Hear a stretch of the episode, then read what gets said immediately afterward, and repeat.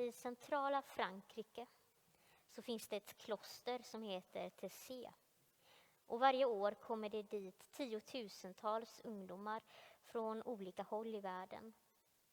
Jag läste en berättelse om eh, en grupp med ungdomar som reste dit för många år sedan. Då hade det precis blivit fred i deras hemland. Och fransk tv kom dit och intervjuade en 17-årig flicka som levt mitt i det blodiga kriget. Hon hade sett mycket ondska och lidande. Flera av hennes släktingar och vänner hade mist livet. Och journalisten frågade flickan. Hela din ungdomstid har färgats av kriget.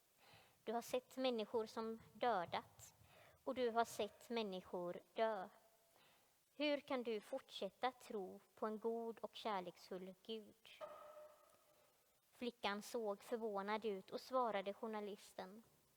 Tror du att det är Gud som fört kriget? Och tror du att vi skulle orkat alla dessa svåra år av lidande, sorg och skräck om inte Gud hade gett oss kraften? Och hur skulle vi våga tro på framtiden där alla grupper som krigat mot varandra lever tillsammans om inte Gud är med oss? Var tapper och stark, säger Mose. Inget kan skilja oss från Guds kärlek, säger Paulus. I världen får ni lida, men var inte oroliga. Jag har besegrat världen, säger Jesus. Dessa tre citat är alla värda att ta till sig och gömma i hjärtat och sedan ta fram dem när vi behöver styrka och ork och extra uppmuntran. Var tapper och stark, tappa inte modet. Det är ord som Mose säger till Josua.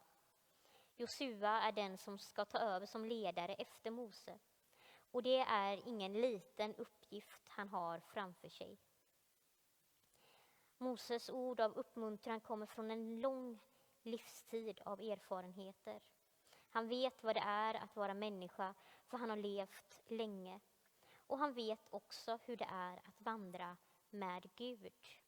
Och han vet att båda dessa saker inte är så lätta. För det händer mycket saker runt omkring Mose. Han har sett mycket lidande och elände. Och han har också själv gjort sina misstag. Han har tappat humöret och gjort bort sig vid ett antal tillfällen. Han hade varit rädd, så rädd att han inte vågade göra vad Gud bad honom om. Men vad Mose också erfarit vid alla dessa tillfällen, oavsett om det var orsakat av honom själv eller av andra, så var det att Gud inte hade övergivit honom.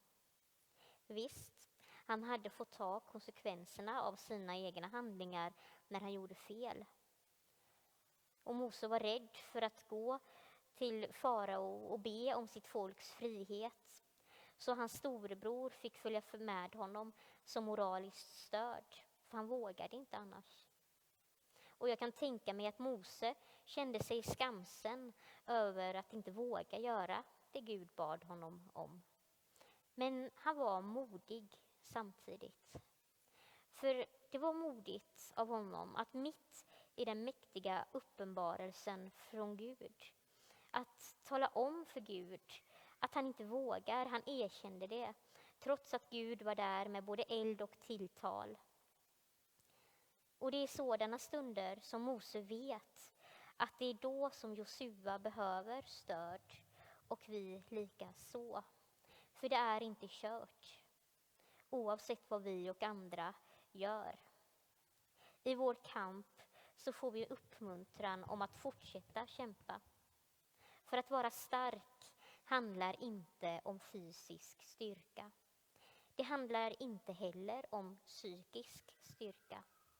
För styrkan från Gud är något annat. Styrkan från Gud innebär att vi är starka i Gud Vi behöver inget annat än Gud för att vara stark. Inför Gud så är det viktiga att vi är villiga att bo i Gud och låta Gud bo i oss. Och det är då som vi tar emot styrkan från Gud, som alltså handlar om något helt annat en världslig styrka när vi erkänner att vi behöver Gud. Även Paulus har gått igenom en hel del. Han har gjort saker som han ångrar djupt. Han har gjort misstag och han har mött svåra prövningar från andra. Men han vet att inget han möter kommer att förändra det faktum att Guds kärlek alltid omsluter och finns för oss. När jag läser breven från Paulus så får jag intrycket av att han har kämpat med fruktan och rädsla för att hamna utanför Guds kärlek. Men hans erfarenhet från hans vandring tillsammans med Gud genom livet har lärt honom att ingenting kan separera honom från Guds kärlek. För Guds kärlek är så mycket större. Och den kan inte bli större av något vi kan göra och den kan inte bli mindre av något vi gör heller. För Guds kärlek grundar sig i det uppdrag som Gud har till var och en av oss. Att vara Guds barn, det är det enda vi behöver göra. Och det är inte ens något vi gör, utan det är något vi är. Och det är något som alla har tillgång till, oavsett förutsättningar och situation. Och det kan vi vila i. Och det i sig kan bli en ledguide i hur vi möter vår omgivning. Denna trygghet fick Paulus från sin tro på Jesus. Och jag tänker att Paulus i sitt liv hämtade styrka från Jesus ord om att i världen får ni lida, men var inte oroliga, jag har besegrat världen. Paulus fick gå igenom mycket, både motstånd från sin omgivning, från sina bekanta och sig själv. Precis som vi här idag gör. Paulus hade sina inre kamper, precis som vi har. Men orden om att Jesus har besegrat världen är något han tog sikte på och han lät de orden bära honom framåt. Också vi kan ta tag i de här orden från Jesus och låta dem föra oss framåt genom vår väg genom livet. Jesus förnekar alltså inte det som är svårt, men han ger oss hopp om framtiden. Och det är detta hopp som Guds ande inom oss viskar till oss och påminner oss om. Guds ande gör inte livet till en dans på rosor, men den ger oss sällskap på vår resa, även när vi river oss på törnetaggarna. Flickan som jag berättade om innan hade lärt sig att det enda som verkligen går att lita på här i världen är Gud och Guds kärlek för oss. Det är det enda beständiga. Hon hade fått gå igenom prövningar och med största sannolikhet skulle hon också gå igenom fler prövningar genom hennes liv. Och på grund av det så insåg hon att Gud är den enda som till slut kommer göra allt bra.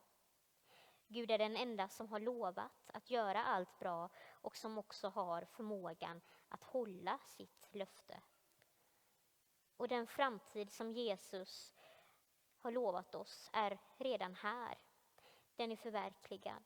Och denna vetskapen hjälpte flickan att orka ta ännu ett steg i en trasig värld. Det är en framtid som är här. Flickan är en av dem som sprider den genom att dela sitt hopp och erfarenhet av Gud. Och det kan vi också göra. Dela denna framtiden här och nu.